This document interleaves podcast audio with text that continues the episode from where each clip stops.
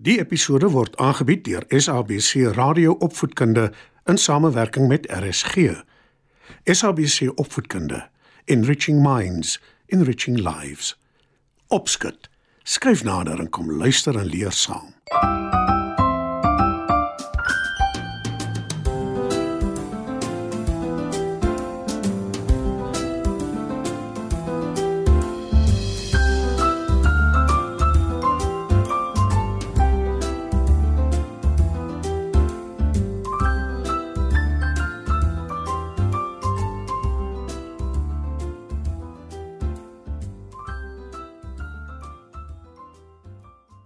Goeienaand, maats. Welkom by Opskud. In vanaand se storie Klipsop vertel ek julle hoe 'n arm reisiger die inwoners van 'n klein dorpie leer om die bietjie wat hulle het met ander te deel. Skuif nader en luister saam.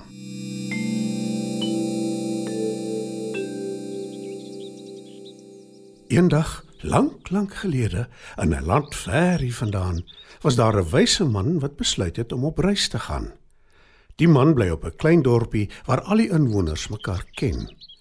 Voordat hy vertrek, vra een van die inwoners van die dorpie vir hom: Hoekom wil jy nou juis gaan?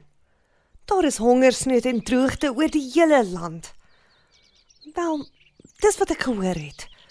Is dit nie beter om hier te bly waar jou huis is en jy almal ken nie? Die man glimlag en antwoord: Hongersnood en droogte verander nie my planne nie. Ek wil die wêreld verken. Die vrou dink 'n oomblik na. Toe sê sy: Miskien kan ek saam met jou gaan. Die man skud sy kop. Toe antwoord hy beleefd maar ferm: Ek reis liewer alleen. Dankie. Vroeg die volgende oggend, toe die son skaars op is, gooi die man sy reissak oor sy skouer en vertrek. Hy loop die hele dag lank. Daar is geen water op sy pad nie. Al die riviere het opgedroog. Hy het water saamgebring, maar dis later op. Sy bietjie kos is ook klaar opgeëet, Ek koop ek kry binnekort 'n veilige plek om te slaap. sê die man.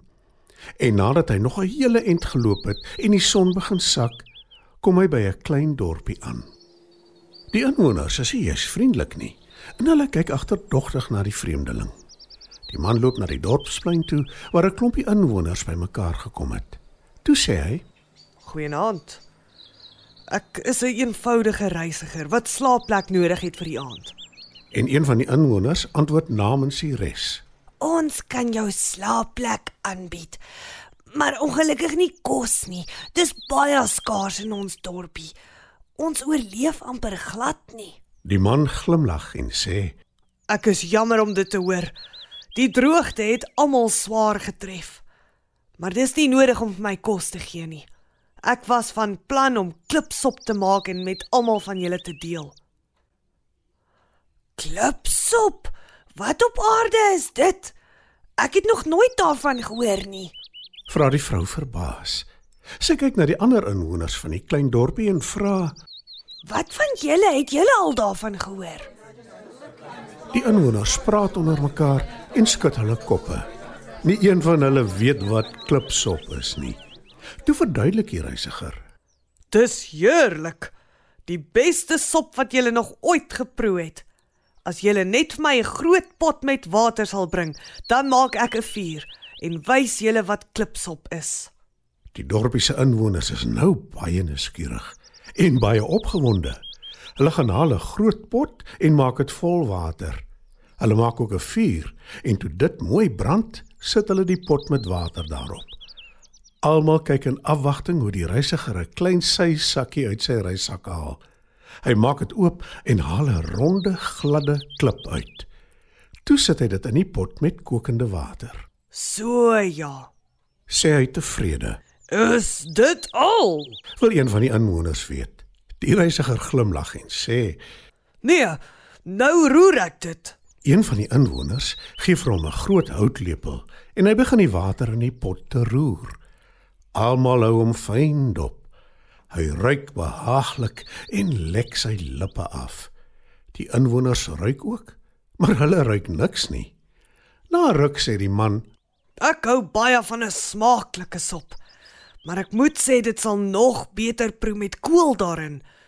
Dit sal dit regtig spesiaal maak. Toe sê een van die inwoners, Ek het 'n koelkop by die huis. Ek sal dit gaan haal.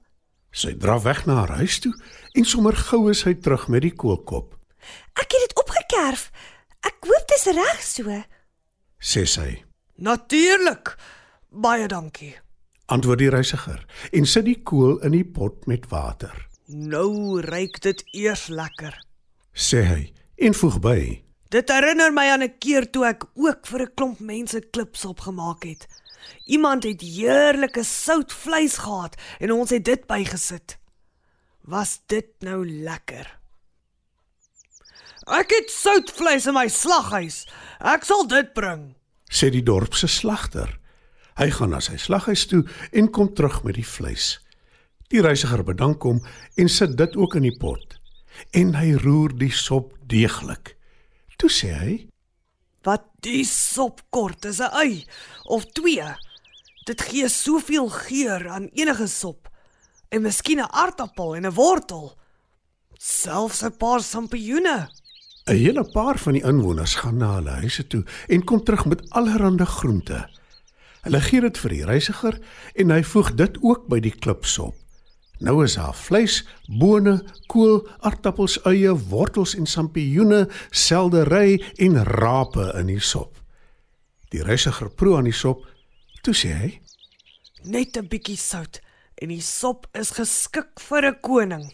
Een van die inwoners gee vir hom sout aan en hy sit dit by.